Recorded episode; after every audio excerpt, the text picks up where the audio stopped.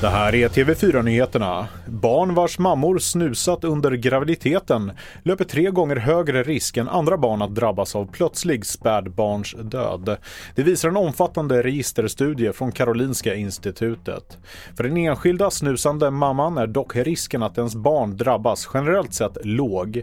Vi hör Anna Gunnerbäck, forskare på Karolinska institutet. Man ska veta att den absoluta risken för att ens barn ska drabbas av plötslig spädbarnsdöd, även om man röker och snusar, är extremt låg. Men det är ju någonting som bara inte får hända. Eh, och därför tänker jag att det är väldigt viktigt att unga kvinnor vet om de här riskerna. Mer om studien kan du läsa på tv4.se.